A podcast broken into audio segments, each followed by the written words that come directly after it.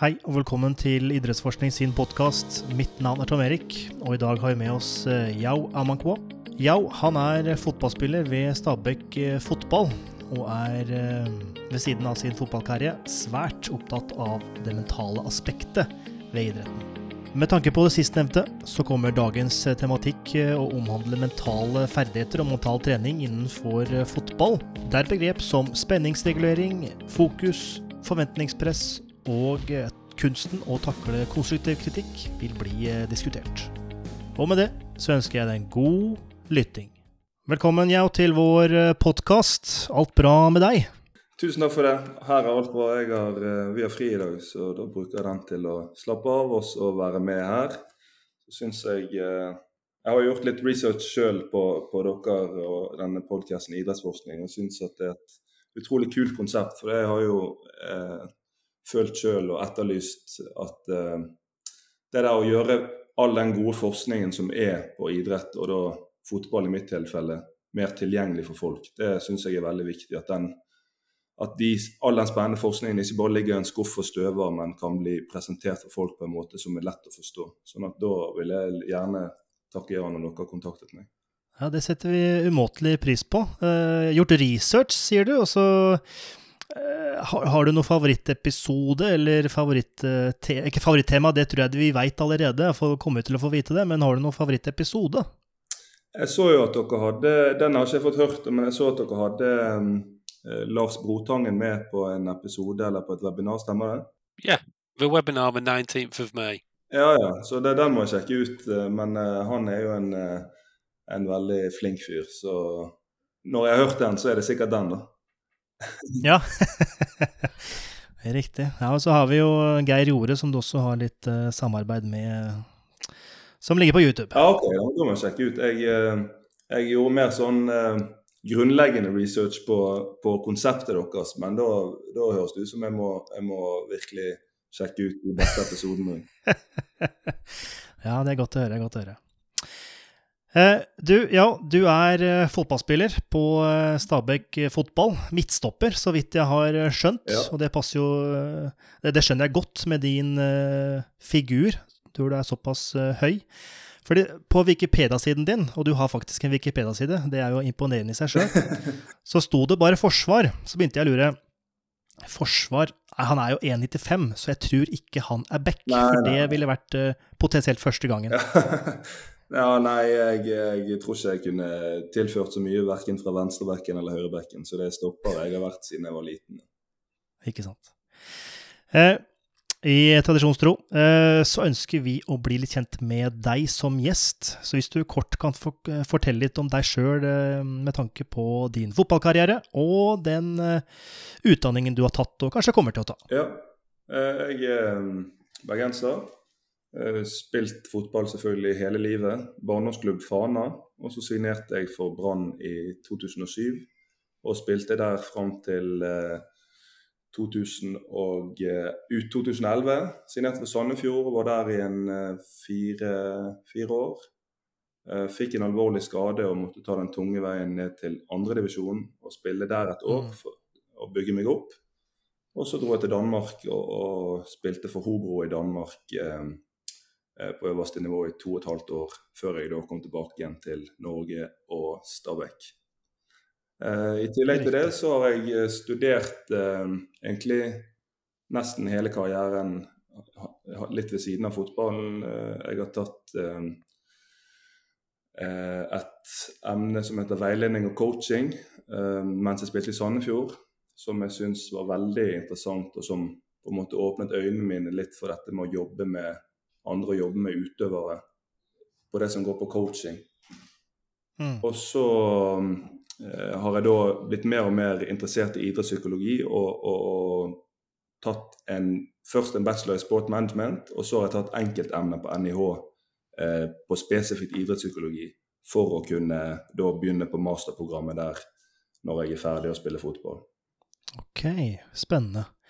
Eh, er det vanlig at eh, man som fotballspiller på aller høyeste nivå eh, tar utdanning ved siden av, sånn som du har gjort?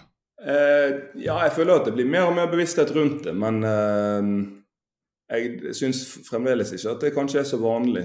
Det er jo litt uh, typisk at etter hvert som spillere blir eldre, kanskje etter de fyller 28, at de først begynner å tenke på dette. her. Men uh, jeg vet i hvert fall bare for min egen del at, at det har vært uh, utrolig verdifullt og veldig viktig for meg å kunne, kunne fylle hodet med noe annet enn bare det som skjer på trening og kamp. Mm. Og det er nok eh, noe av essensen eh, med tanke på tematikken i dag. Dette å kombinere akademia og eh, en karriere innenfor idrett, eh, og hvordan det lar seg gjøre. Og samtidig hvordan de to ulike feltene påvirker hverandre. Så Du har nevnte jo idrettspsykologi og, og sports management. Eh, og du har jo vært i en rekke avisartikler der du har snakket litt om mental trening. og mm den, det mentale aspektet som på en måte er litt fraværende i norsk uh, fotball.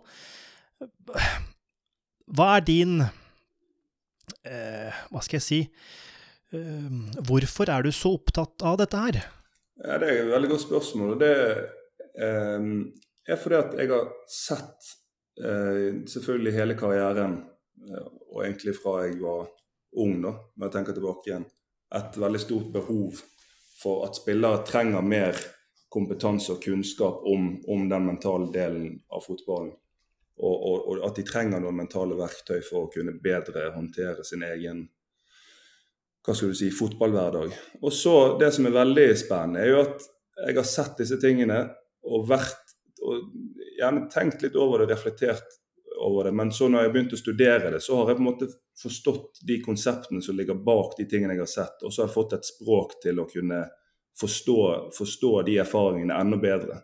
Sånn at Derfor har det vært helt utrolig sånn eye-opening for meg når jeg da begynte å studere idrettspsykologi. Så har jeg da fått eh, skjønt at mange av de tingene jeg har sett eh, på andre spillere og opplevd sjøl, det er faktisk eh, vanlige fenomener og, og, ting som det står eh, kapittel opp og ned om i, i idrettspsykologien. Sånn at alle de mm. erfaringene jeg har gjort, har på en måte blitt forsterket i møte med det, med det teoretiske. Og da har jeg blitt selvfølgelig mm. enda mer motivert for å studere videre. Mm.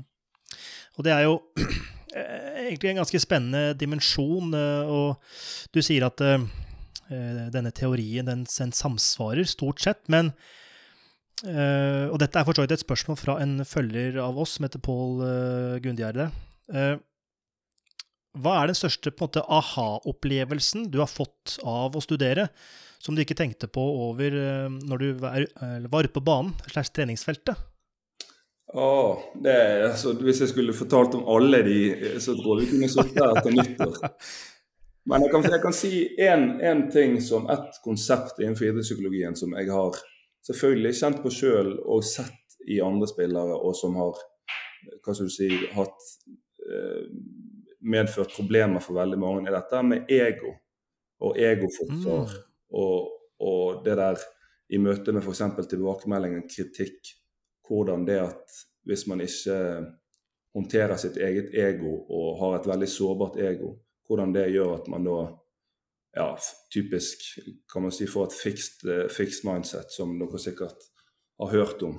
Sånn at det der med å, for min del da, som, som spiller, å kunne skille mitt eget ego fra, fra vurderinger av meg sjøl og vurderinger fra andre, det har vært veldig viktig for, i min utvikling som spiller. Og da har det vært lettere når jeg har fått mer kunnskap om hvordan vi mennesker og idrettsutøvere eh, helt naturlig har en trang til å beskytte vårt, vårt ego i evaluering av andre.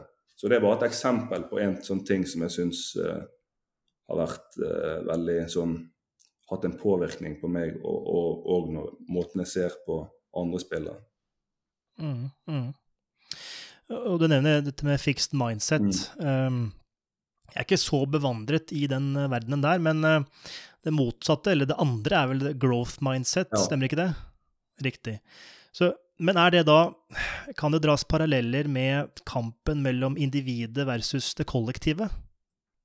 Ak akkurat eh, når vi snakker om ego, så føler jeg at det er mer eh, evnen til å Sånn som jeg tenker på det, på det sporet vi var, så er det mer evnen til å kunne vurdere seg sjøl eh, både som enkeltspiller og lag objektivt.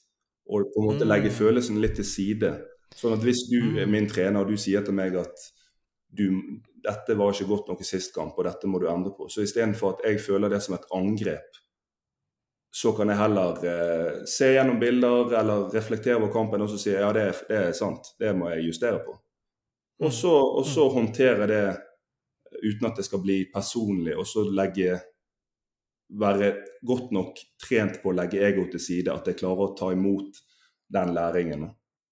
Sånn at jeg føler nesten mer at det er en individuell kamp, det der kampen mot sitt eget ego, eller Mm. enn en, en, uh, i forhold til det kollektive. Ja, ja, absolutt. Og det er jo eh, eh, Det er jo kanskje noe som kommer med tiden, og det har du sikkert opplevd sjøl også, og hadde kanskje kommet uansett uten disse studiene, at man blir eh, Rett og slett kanskje får en mer selvinnsikt, og at man uh, tar til seg den kritikken, den konstruktive kritikken fra andre. Men det er jo ikke så lett når man er ung. Der vil det være en forskjell, vil ikke det? Jo, men jeg er ikke helt enig med deg. For jeg har spilt med, med spillere som er på slutten av karrieren sine som er godt over 30, som eh, nekter og som, som, som mener at de alltid vet best. De nekter å ta imot et fnugg av kritikk, og de, de har svarene på alt. Eh, og på samme tid har jeg spilt sammen med unge spillere, og eh, f.eks. i Stabæk, som er utrolig sulten på, på feedback på å se bilder av seg sjøl i dårlige, gode og dårlige situasjoner, og, og bare utrolig opptatt av å bli bedre, selv om det kan være tøft å, å, å få kritikk. Og det er jo en ting eh, som jeg har sett hos de som blir solgt videre fra Stabæk. Um, og kan jeg nevne spillere som Kristoffer Askildsen eller Hugo Vetlesen eller Andreas Hanke Olsen, som alle har blitt solgt videre. Det at de er utrolig flinke til å være nysgjerrige og søkende på, på læring. Og så er de egentlig veldig flinke til å vurdere seg sjøl objektivt. Og hvis de får kritikk, så tar ikke de det noe særlig personlig. Mm, mm. Ja, det er jo Syns iallfall jeg, i hvert fall som ung, så er det Har man den egenskapen, så syns jeg det egentlig er veldig imponerende. For det husker jeg tilbake til meg sjøl som eh, Ikke at jeg har vært på noe toppnivå, eh, noe som helst, men eh, jeg har vært ung. Mm. Og det å få kritikk, det er, det er ikke noe hyggelig. Og det er det sikkert ingen som syns, men ja, du jeg, jeg, er for så vidt eh, Kjenner meg igjen for så vidt eh, i det du sier, og fint at du bringer et eh, litt mer nyansert bilde enn det jeg presenterte. Men, men samtidig, samtidig så er jo jeg helt enig i at når man er yngre, så er man mye mer sårbar og har, har naturligvis eh, mindre kunnskap. Sånn at man er jo mer sårbar, og, og, og for mange vil jo det slå ut i at de har et veldig behov for å beskytte seg sjøl og, og, peke på Mm. andre. og eh, Men akkurat det, den modenheten og det å bli moden eh, Jeg syns det vi snakker om nå, er en viktig del av det å bli moden som spiller. Og der er det noen som Mhm. er moden eh, på, på de tingene der allerede når de er 18-17-18. Men så er det andre som eh, er 4-35 og ikke i nærheten av det. Så, eh, men jeg tror nok at eh, hadde jeg vært leder eller trener i en klubb, så ville jeg vært eh, ekstra bevisst på det i forhold til det unge, selvfølgelig. Mm. For det handler vel da om å skape en slags kultur. eh, men, men hvordan skaper man den kulturen i så fall, der det å gi tilbakemeldinger til hverandre og være ydmyk og motta de Mm. med, med omhu, hvordan, hvordan skaper man dette her? Og Det har jeg tenkt mye på sjøl. Jeg kan ikke si at jeg har fasiten på det, og den som har det, den er jo allerede på vei til å bli en veldig god trener eller leder. Men, men dette med psykologisk trygghet er jo en ting som er utrolig viktig der. At, at det skapes et miljø og en kultur der folk tør å være sårbare. Og, og, og folk tør å vise og si hvis det er noe som er vanskelig. Og at, at ehm, det blir veldig ufarliggjort å snakke om feil og svakheter, både fotballmessig og, og, og, og andre ting. Eh, Mm. Sånn at man snakker om det på en såpass triviell måte at, at det blir helt upersonlig og, ufarlig. Sånn at disse spillerne da blir vant til at det er ikke noe vondt ment eller noe personlig. Det er bare sånn vi evaluerer hverandre. Og det, det vi, gjør vi både på godt og vondt. Mm, mm, Sånn at det, det der med, med trygghet og psykologisk trygghet, det, det vet jo jeg eh, at f.eks. eh, Ronny Deiler, når han var i Godset og hadde suksess med de, at han var veldig opptatt av det med, med psyki psykologisk trygghet. Og jeg vet òg at oppe i Bodø så har de hatt det her med å, med å tørre å være sårbar som, en, eh, som et viktig prinsipp. Og eh, så vidt jeg eh, veit, så har du Eller er du kaptein på Stabæk, stemmer ikke det? Ja. Og som kap kaptein så har du kanskje et eh, større lederansvar. Og hvordan er det du Eller er du med på å skape denne sosiale, nei, psykologiske tryggheten, og i så fall hvordan? Det håper jeg jo. Eh, det håper jeg jo absolutt. Eh, og mm. En måte som jeg prøver å bidra til det, er jo at hver gang jeg får noe tilbakemelding eller kritikk, så prøver jeg å være, vise at jeg er veldig åpen for det å, å ikke gå i, på defensiven eller gå i angrep. Men, men uansett om det er en 17-åring på laget som sier at jeg burde gjort annerledes i en situasjon, så anerkjenner jeg det, og så, viser til at jeg eh, gledelig tar imot eh, feedback og kritikk. Og, og, og, på den måten prøver jeg å bidra til at å ufarliggjøre det, det med tilbakemeldinger. Eh, mm. Ellers så ønsker jeg å jobbe etter hvert som mental trener og jobbe med idrettspsykologi etter karrieren. Og da kommer jeg nok til å eh, Hva skal du si Når jeg er på feltet og det koker, så er det jo noen ganger jeg absolutt kunne vært flinkere til, til det. Men eh, når jeg er på feltet, er jo jeg òg først og fremst en spiller og kaptein. Ja. Eh, og eh, som du nevnte tidligere, så har du jo lest eh, mye av ulik teori, bl.a. innenfor idrettspsykologien. Og du nevnte dette med psykologisk trygghet, eh, modenhet osv. Og det er jo sikkert andre aspekter, begreper, eh, du også har lest om, eh, og, og, og fått denne ervervede kunnskapen mm. i deg. Og nå er du spiller, har vært spiller lenge. og på hvilken måte er det du eh, bruker den utdanninga til å hjelpe deg sjøl eh, slash eh, laget for å prestere, prestere, optimalt? Dette er da et spørsmål fra Sivert eh, Bjørnsrud. Ja, jeg kan bruke et eksempel. Um, innenfor mm. idrettspsykologien er det et konsept som heter spenningsregulering. Som går på å øve seg opp og lære om å trene og, uh, å trene opp evnen til å kunne regulere sin egen spenning og inn mot kamp så er det jo mye nerver, og, og det bygges opp en spenning i, i, kroppen på spilleren. Og det har jo jeg opplevd sjøl. Sånn for å bruke et eksempel, så når jeg var yngre og spilte i Brann, så brukte jeg alltid masse eh, krefter og før kamp satte på hardcore musikk og giret meg opp i flere timer før kamp, fordi jeg trodde at jo mer jeg giret meg opp, jo mer eh, jo skarpere og mer på hugget kom jeg til å være når fløyten gikk. Men så opplevde jeg gang på gang at når kampen startet, så følte jeg meg litt tom for energi og, og litt sånn flat. Mm. Og så Ja, så fikk jeg jo um, Gjennom litt lest og, og, gjennom at vi i Sandefjord begynte å drive med yoga, så bare tenkte jeg dette må jeg prøve ut. Og Der var det noen sånn mindfulness-øvelser som gikk på spenningsregulering. Så da, litt sånn tilfeldig, begynte jeg å bruke en sånn spenningsregulerende teknikk før kamp. Som hjalp meg til å være veldig fokusert når kampen begynte. Men så var det først når jeg studerte på NIH seinere og lærte helt spesifikt om dette med spenningsregulering, at jeg skjønte hvorfor jeg hadde opplevd å, å, å, være tom for energi til kampstart da jeg var ung.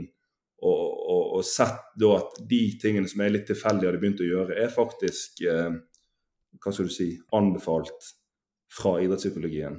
Det der å lære mm. seg hvilket spenningsnivå er det jeg presterer best på. Og så, mm. ikke minst, da, hvordan, kommer, hvordan når jeg det optimale nivået før kamp. Og der er det jo litt ulike strategier, eh, vil jeg eh, eller vil jeg tro, eh, og sikkert ulike nivåer av denne reguleringen. Ja, for, for, for noen spillere er best når de er altså Si det er et spekter, da. Eh, det er ingen som er god når de er totalt Hva skal du si Omtrent så de kommer bare rett fra sofaen eller sengen med mm. null spenning. Og så er det ingen som er god når de er helt sånn frenetisk krakilske. Men så er det et spekter kan du si. da, som Noen er best når de er, er, er litt roligere og litt kaldere og, og, og fokusert, sånn som jeg beskrev for meg sjøl. Men så vet jeg at det er andre som er best når de ligger i det oransje feltet, nesten opp mot rød sone, der de er virkelig eh, har et relativt høyt spenningsnivå, men, men, de har fortsatt kontroll på det. Sånn at, men det er jo nettopp det da å finne ut hvilket spenningsnivå er det jeg, jeg presterer best på. Og lære om det og, og, klare å gjøre det som er jo en del av det å trene mentalt. Mm. Og Det er absolutt et eh, viktig mental aspekt du bringer frem der. Men hvis du nå eh, hadde blitt ansatt som en mental trener, mm. og eh, For det her handler jo, i hvert fall så vidt jeg forstår det, handler om å bli kjent med seg sjøl. Ja og bli kjent med seg, sin egen regulering, ja. og hvordan den passer ut på banen. Hvordan ville du ha gått frem for å få folk til å bli kjent med seg sjøl i sin egen regulering? Da ville jeg spurt, da vil jeg spurt eh, Si det jeg jobber med en spiller. Så ville jeg spurt han mm. fortell meg om en, om en, kamp du var sinnssykt fornøyd med. Der du bare var helt konge. Og så begynner spilleren å fortelle litt om ja, da var jeg sånn og sånn, og da spilte jeg sånn og sånn, jeg følte meg sånn og sånn, og jeg tenkte sånn og sånn, og jeg sa de og de tingene til meg sjøl. Og så ville jeg kanskje spurt sånn ja, hva i forkant av den kampen, og hvordan følte du deg da? Og så ville jeg kanskje nei, da følte jeg meg faktisk helt rolig. Jeg, jeg tenkte ikke så mye på kampen. Jeg, jeg satt i garderoben og, og køddet litt med kompisene og følte meg egentlig ganske bekymringsløs. og, og følte meg klar, men ikke noe stresset. Og så liksom da nøste opp i en sånn maksopplevelse eller en veldig god opplevelse og sett hva modus var du i da. Mm. Og så kanskje funnet noen svar på, på den spilleren sin, sin eh, eh, beste modus gjennom å spørre den type spørsmål. Mm. Og så spurt videre. Det trenger ikke bare være kamp, det kan være i forhold til trening òg. Altså, de, de gangene du føler deg virkelig skarp på trening. Hvordan er du i forkant? da? Hvordan, hvordan, vil andre oppfatte deg? Hva ting sier du til deg sjøl? Og, og, på den måten hjelpe spilleren å bli mer reflektert og bevisst på sin egen modus, kan du si.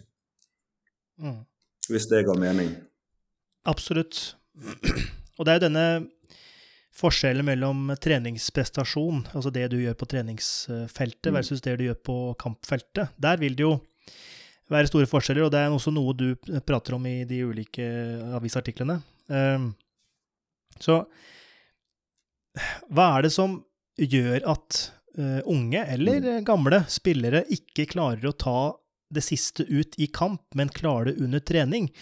Og det, er det relatert til den selvreguleringa, eller spenningsreguleringa, eller er det noe annet i tillegg?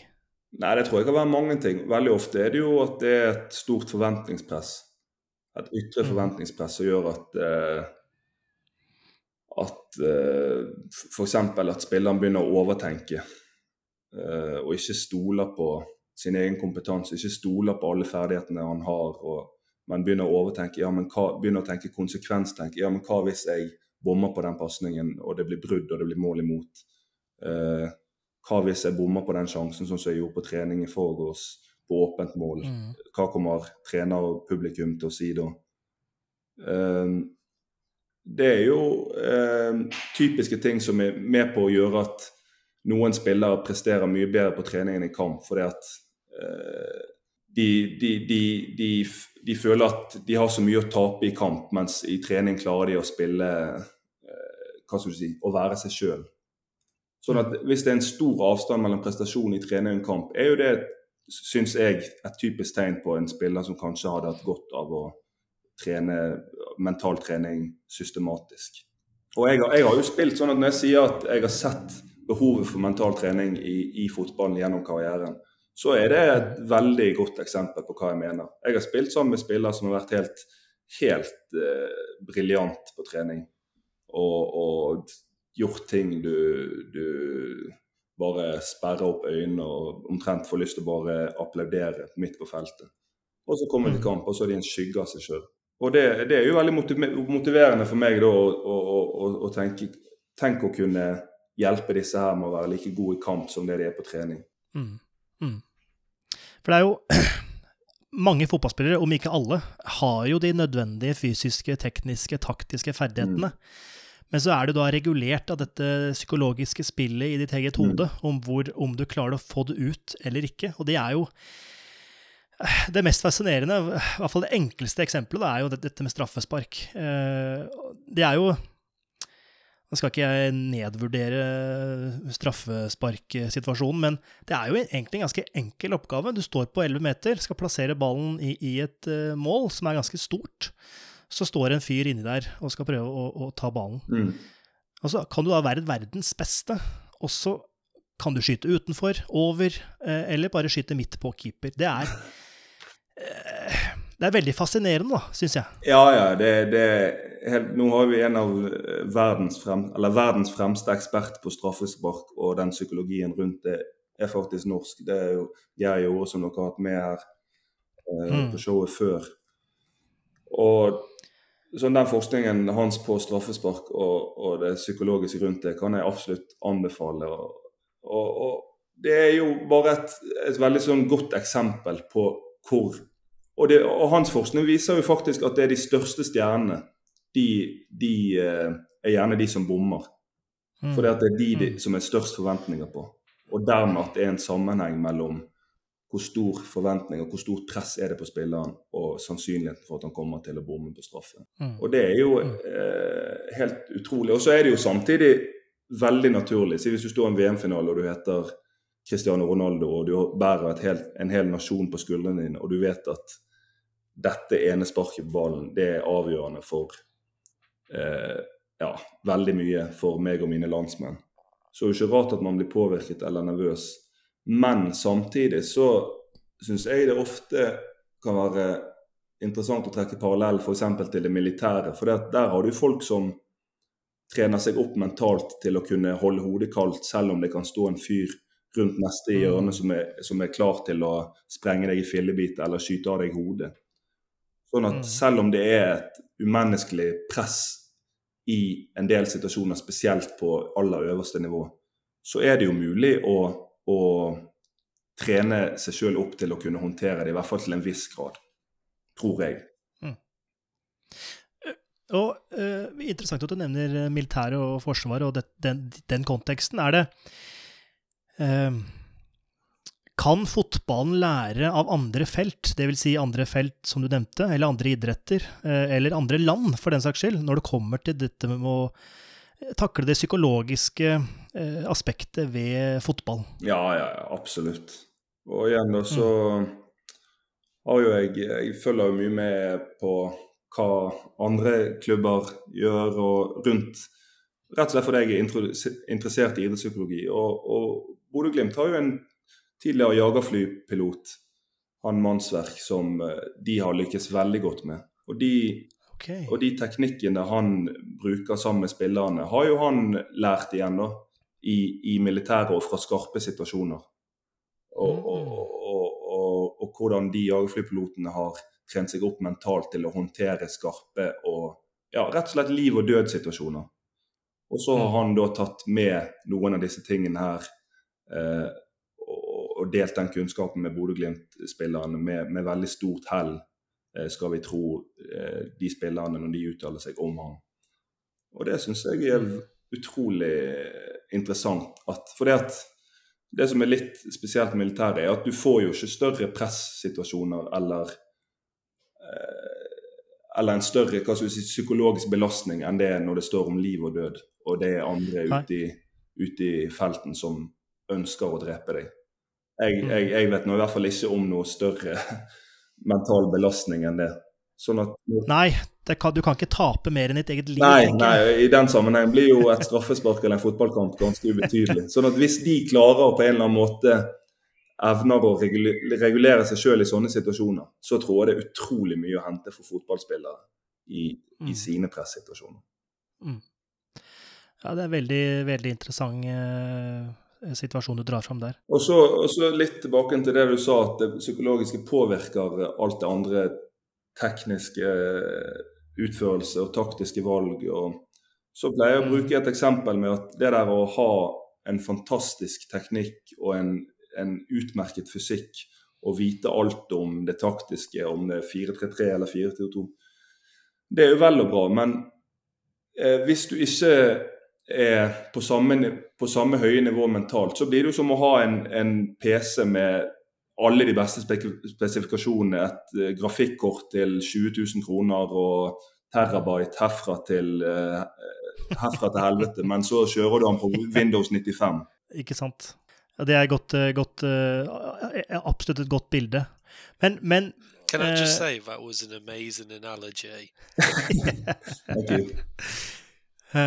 men uh, vil det da si at det psykologiske her uh, er litt viktigere enn alt annet? Jeg vil si at det psykologiske er der det begynner, på en måte. At det istandsetter disse andre egenskapene. Og, ja, ja. og, og det er sikkert sånn Jeg opplever jo at eh, de Altså En fysisk trener vil si nei, det er ikke sant. For, altså, folk innenfor forskjellige fagfelter kjemper jo for at sine ting er viktigst. Men, eh, men jeg vil nå si at det, at det mentale er istandsetter for det andre. Og Jeg har selv opplevd som spiller at hvis du føler deg mentalt nede, eh, så kan det være Så kan du plutselig oppleve deg fysisk tappet. Eh, og, og oppleve at du er veldig treig i oppfattelsen, og det er ingenting som sitter. Tekniske touchen sitter ikke. Uh, fordi at altså, Fra en dag til en annen. og Da er det ikke sånn at du plutselig har blitt en dårligere spiller, men, men det, for meg det har vært en opplevelse av hvordan det mentale påvirker alle de andre tingene. Eller hvis du, hvis du går til kamp og har, dere har blitt enige om noe på laget, om noe taktisk, si et angrepsmønster eller i det oppbygg, oppbyggende spillet. Og så vet du at det sitter en agent for en klubb eller eh, en, en, en speider for en klubb på tribunen, og at det kan være altavgjørende for din fremtidige karriere. Og så tenker du bare på det. Eh, så hjelper det ikke hva taktisk kunnskap du har hvis du kommer helt ut av fokus. Mm. Eller hvis du, hvis du eh, overtenker ute på banen til en så stor grad at du prøver å overstyre de, de den teknikken som ligger i ryggmargen, så ender du opp med at eh, teknisk elegante spillere plutselig ser veldig skeitete og stresset ut. Mm. Eh, sånn at Derfor jeg syns at det er bevis for at um, det er veldig mye som begynner med det mentale. Og så er selvfølgelig du går ikke an å, sånn Mange vil jo si det går ikke an å tenke seg god. Og det er jo riktig. Det, for å kunne være en god fotballspiller så er du nødt til å ha eh, alt på et høyt nivå. Men jeg vil påstå det at hvis du har alt på et høyt nivå, men, mens det psykologiske mentale på et veldig lavt et, så syns jeg det så har jeg vanskelig å se for meg at du kommer til å lykkes. Og som nevnt tidligere, så har du jo eh, etter, etterlyst uh, det mentale aspektet i fotball, og norsk fotball blir nevnt. Uh, har mye av forskningen, altså i hvert fall ja, internasjonalt, det er jeg litt usikker på. Men Eh, det er mye på det fysiske, eh, det tekniske, eh, det, det taktiske er jeg usikker på. Men i hvert fall teknisk og fysisk er det mye fokus på. og Kanskje noe trenere der ute har en del fokus på. Men når vi vet alt dette her om, dette om psykologien og mentale og sånne ting, og som har vært viktig fra tidenes morgen mm. Hvorfor, og dette er kanskje et vanskelig spørsmål, hvorfor er det så lite fokus på det i norsk fotball? Eller er det Eh, er det norsk fotball det er et problem eller er det norsk idrett, eller er det Norge generelt? Um, nå føler jeg at de siste årene så har det blitt mer uh, Jeg tror at for at, for at uh, idrettspsykologi skal bli en integrert del av norske klubber sin hverdag og strategi, så må det være en veldig veldig tydelig sammenheng mellom det å ansette mentaltrener eller det å ha en idrettspsykologisk spesialist i klubben og det å ta poeng på banen. Og Hvis den sammenhengen, sammenhengen er utydelig, så tror ikke jeg at det vil vil bli, prioritert i de fleste klubber. Mens med en gang den sammenhengen blir tydelig, og det blir sett på som et konkurransefortrinn å ha en fagperson innenfor det mentale tilknyttet klubben, så tror jeg flere og flere klubber vil gå til det steget før det til slutt da er noe som er helt like vanlig som en fysioterapeut. Og Den utviklingen syns jeg ser i norsk fotball, at det er flere og flere klubber som tilslutter seg person. Og når for, eksempel, for igjen å nevne Bodø, når de er så overlegne som de var i fjor, og spilleren attribuerer så mye av den suksessen til det arbeidet med mentale og arbeidet med han mannsverk. Så er det jo klart at det sitter klubbdirektører og sportssjefer og trenere og spillere rundt om i det ganske land og tenker bare faen, sånn Det der må jo vi Det der kanskje vi eh, havner i bakleksen på. Det der må jo vi òg eh, få til.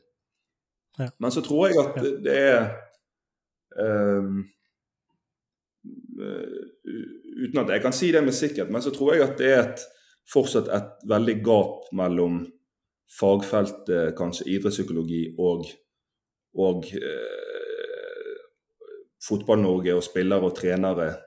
Altså at det er veldig, det er veldig mange måter eh, den forskningen og kunnskap om idrettspsykologi kan gjøres mer salgbart og attraktivt for spillere, tror jeg, enn det som er i dag. Mm. Og sånn at jeg vil jo si at eh, um, fagfeltet og akademia trenger Altså at du trenger flere akademiske selgere, rett og slett. Typer Mm, som, ja. som kan levere budskap med full overbevisning og full punch, enn en hvis hvis du kommer inn i en klubb og presenterer idrettspsykologi og forskning og det ene og det andre uten total overbevisning, og så sier du at sånn som med vanlig forskning, ja det kan hende at hvis vi har vist en, en viss signifikans, bla, bla, så mister du da mister du en garderobe veldig fort. Men hvis du Ja. kommer inn og så sier med full overbevisning at dette her, f.eks. mindfulness, dette her, med å trene dette her over tid, så kommer dette til å gjøre dere bedre spillere. Så vil jo det med en gang trigge de spillerne som er sultne på å bli bedre. Og det er nok eh, Du har nok rett i det du sier. Eh, Det som er litt er ikke dumt slash bra, eh, avhengig av hvilken kontekst man ser det i, men vi akademikere er jo ikke selgere. vi kommer aldri til å bli det, tror jeg. Men vi er jo veldig skept, ikke skeptiske, men vi er veldig forsiktige med å komme med bombastiske konklusjoner og uttalelser, fordi vi vet at ja, det, det fungerte for denne populasjonen, men ja, for, for damer 14, nei, det er ikke sikkert, altså. Eh, så der, der er noe av problemet, men det problemet ligger jo i for så vidt all forskning og all akademia. Ja, men da, altså, da, der må jeg bare si, og da er det jo fordi at jeg er spiller, så kan jeg si det. Og så er det sikkert mange da som sitter eh, som sitter, akademikere som sitter og bare rister på hodet i forhold til det jeg kommer til å si nå. Men jeg bare syns at hvis du ikke klarer å selge inn den fantastiske forskningen, og selge inn poengene, så er jo han Og, det er forskning f.eks. på fotballspillere, eller for fotballspillere. Så er spørsmålet mitt hva verdi har den forskningen da, hvis han ikke kan effektivt eh, forstås av de som skal praktisere det. Jeg er helt, jeg, altså jeg er helt, helt enig. Sånn jeg, jeg har jo lest eh, en del av artikler og, eh, og, og, og syns det er utrolig mye spennende forskning. eh, eh, men men eh, den må jo Grunnen til at jeg sitter og leser artikler, er fordi at jeg har hatt interesse for fagfeltet. Men hvis jeg hva skal du si, kun hadde vært spiller, så må det presenteres på en måte som eh, er appellerende, som jeg da som spiller opplever at gir meg noe verdi. Ja. Og sånn som nå i, i siste halvannet året så har jeg jobbet på et prosjekt eh, som jeg nevnte så vidt der, på kroppsspråk. da. Mm. Men så kan jeg bare nevne kort at eh, sånn akademisk sett så er det jo da non-verbal behavior som er fagterminologien. Mm. Men hvis jeg skal presentere den kommersielt eller for, for seere eller for spillere, så med en gang jeg da sier non-verbal behavior eller NVB eller non-verbal atferd, så har jeg mistet halve publikum, minst. Mens hvis du bare sier kroppsspråk, som det jo er, Ja. så er jo kroppsspråk, vet du hva er? Ja. Absolutt. Så, så, så kan man jo si ja men, det forsvinner, ja, men det forsvinner for mye kunnskap på veien hvis du skal forenkle hele tiden. Mm. Men, ja, men så, så er jo motspørsmål da ja, det, kan, det, er nok, det, det er nok sikkert riktig, men målet må jo være at de du presenterer dette for, alle de du snakker med, sitter igjen med mest mulig eh, når du er ferdig. Og da er ikke nødvendigvis nøkkelen til at de skal sitte igjen med mest mulig og komme med mest mulig eh, informasjon. Mm. Men at du heller kommer med poenger som slår, og som fester seg. Absolutt. Og jeg er helt, eh, helt enig. Eh, Matthew? Yeah, completely agree as well. That's basically the point of this podcast and our and our projects. It's really nice to hear. Mm. But I, I think it's only worth so much, even when it's people like me and Tom Eric doing this stuff. We need people like you basically to be more involved. And so I suppose the question is how do we get more professional athletes involved in the academic world whilst they may be still involved in professional sport? How do we how do we how do we get more people involved and not lose them to other areas? How do we get more people like you, Yao, basically? Um, nei, der må jeg synes jeg må få skryte av eh, NIH og de folkene der som et eksempel. Det syns jeg er veldig flinke til å, å, å holde ting praksisnært og gjøre f.eks. de studiene attraktive for, for eh, idrettsutøvere. Sånn, det er mange der som jeg har studert med som er aktive fotballspillere, dansere og idrettsutøvere. Og at det ikke At det selvfølgelig er jo en akademisk disiplin, men at det hele tiden eh, At man hele tiden da har i bakhodet hvilken praksisverdi har dette her. Mm. Sånn at eh, hvordan man kan få flere spillere og folk med praktisk erfaring involvert i, i faget, er vel å, å, å invitere de som har en interesse for det, og kanskje senke terskelen for å Kanskje studieinstitusjonene som har f.eks. idrettspsykologi, kan tilby eh, mindre kurs til aktive idrettsutøvere Mm. og gjerne da gi de smaken på hva det på, gi de smaken på fagfeltet. Og da er jeg sikker på at Hvis du hadde arrangert et sånt kurs f.eks. innenfor idrettspsykologi for alle spillerne i Norge og så sagt vi trenger sånne som dere til å, til å, å tilføre alt dere har å komme med til, til fagfeltet, så er jeg sikker på at det er en del spillere som ville tent på det og, og, og, tatt den invitasjonen og, og gjerne begynt å studere det videre. Mm. Bare som et bare som, som en tanke. Ja. Absolutt.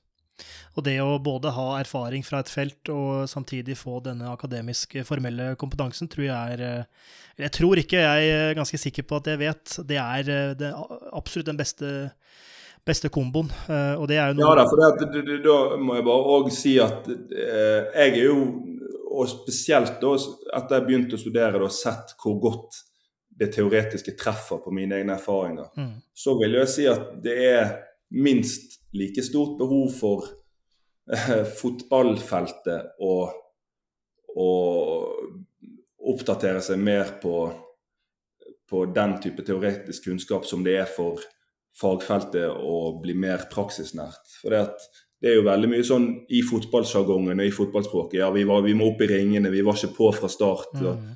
ja, men hva betyr egentlig det? Vi var ikke på fra start. Altså, Det er jo spillere som har lyst til å gjøre sitt beste, men hvorfor var ikke de på? Hva var det med inngangen til kampen? Er det, en, eh, ja, det ser ut som vi ikke tør. Ja vel, er det, en, er det en trener som da fronter en fryktkultur? Er det derfor spillerne ikke tør å, å utfolde seg, uttrykke seg på banen? Sånn at det er jo et eh, skrikende behov for eh, større teoretisk kunnskap rundt idrettspsykologi Mm. i, i fotballen. Sånn, det der går jo begge veier. Og jo mindre det gapet blir, jo bedre tjent tror jeg norsk fotball er med det. Vet du noe om innholdet av eh, idrettspsykologi i trenerkursa som eh, Ja, om, som, ja, om det er Uefa eller NIF eller jeg husker ikke hvem som arrangerer det her. Ja. Nei, men jeg vet at det er blitt en større og større del. Og så vet jeg at Toppfotballsenteret har vært veldig flink til å tilby eh, det som en del av trenerkurs, tror jeg.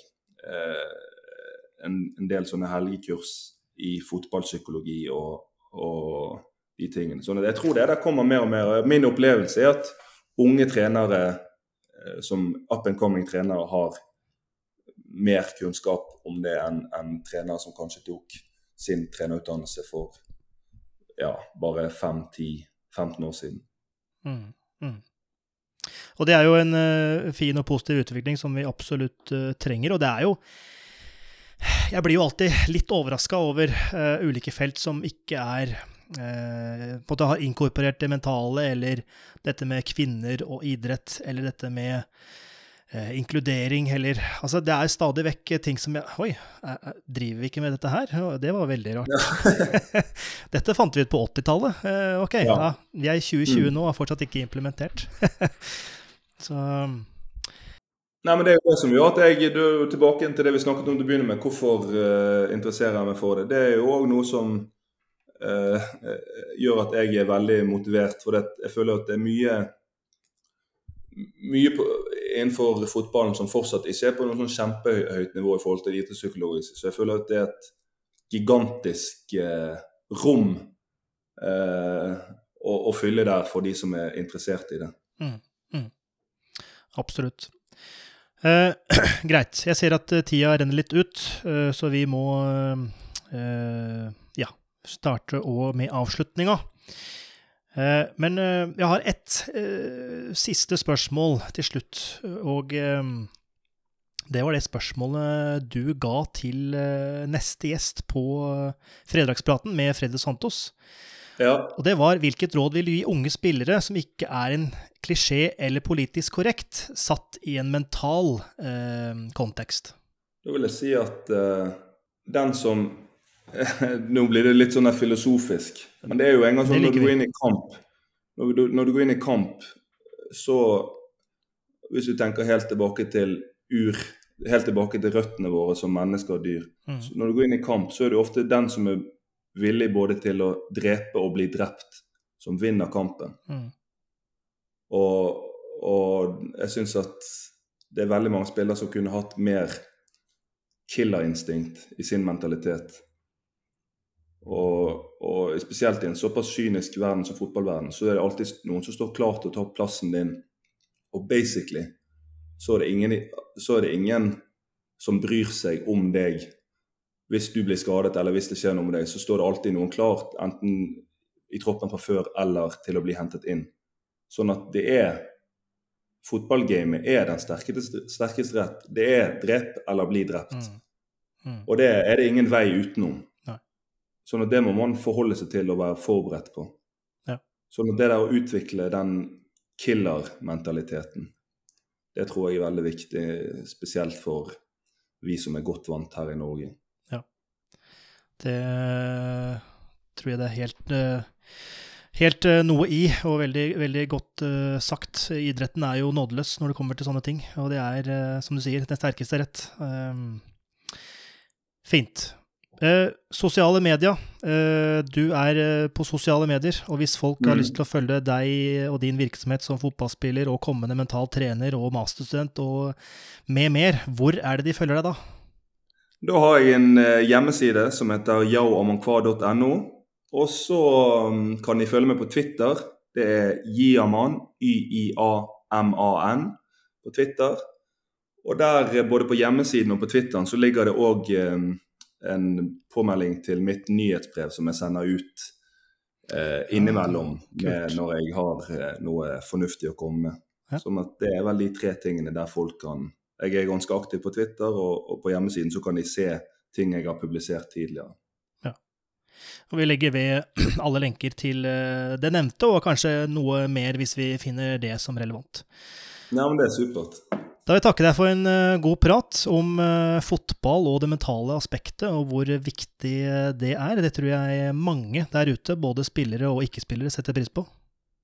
Jo, og tusen takk for meg. Jeg syns som sagt at um, nå uh, Altså, jeg har, har, mye på hjertet, så jeg kunne jo sittet der i fire timer, men uh, jeg syns det arbeidet som dere gjør med å, med å eh, gjøre forskning, idrettsforskning mer tilgjengelig for folk, er utrolig viktig. Mm. Og så, For fotballspillere som hører på, så skal dere bare vite at det ligger utrolig mye spennende i forskningen som dere hadde fått, om ikke sjokk av, i hvert fall syns hadde vært utrolig fascinerende.